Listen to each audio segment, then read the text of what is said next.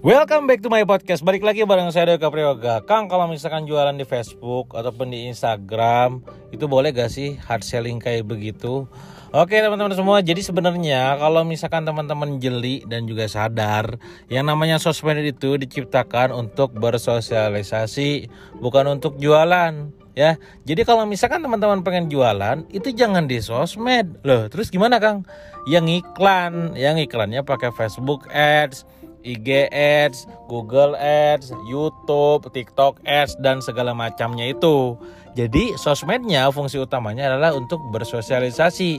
Kalaupun misalkan teman-teman pengen jualannya itu lewat akun personalnya, alias pakai yang cara organik, alias cara yang gratisan, maka nggak bisa hard selling. Kalaupun pengen jualan, maka diiringi dengan yang namanya cerita terlebih dahulu, storytelling dulu, ya, terus juga bikin interaksi dulu, ya, berbagi dulu, ya, giving value dulu dan segala macamnya. Kenapa? Karena sekali lagi yang namanya sosmed bukan tempat jualan, tapi tempat untuk bersosialisasi.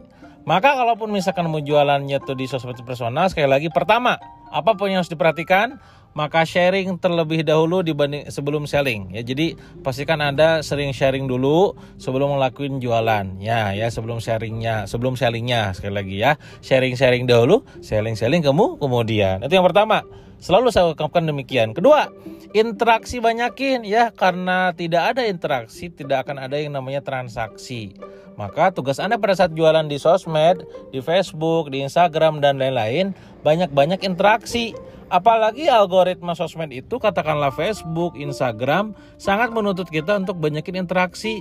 Namanya engagement. Di Facebook ada like, komen, ada share. Ya dengan bobot macam-macam ya ada yang bilang katanya like itu satu komen dua share tiga. Konon katanya begitu.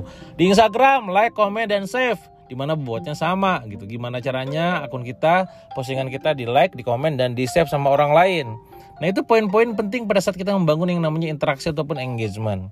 Itu nomor dua.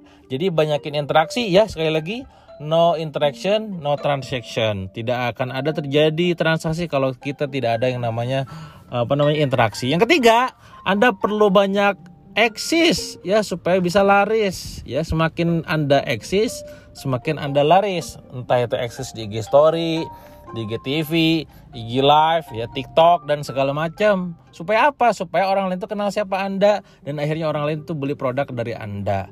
Nah, itu poin penting ketika teman-teman itu pengen jualannya itu di sosmed. Tapi kalau jualan langsungnya gimana, Kang?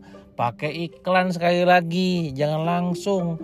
Kecuali nah ini ya, kecuali Anda memang buat funnel terlebih dahulu. Funnel itu apa Kang? Semacam kayak corong ya, definisinya corong lah. Gampangnya nih bikin misalnya kalau di Instagram bikin akun publik yang nanti diarahkan ke akun jualannya atau akun personal yang tidak diarahkan ke akun bisnisnya, di mana akun bisnisnya fokus ke jualan. Tapi tetap harus ada giving value-nya dari akun personalnya itu. Kang kalau gak bisa ngiklan gimana Kang?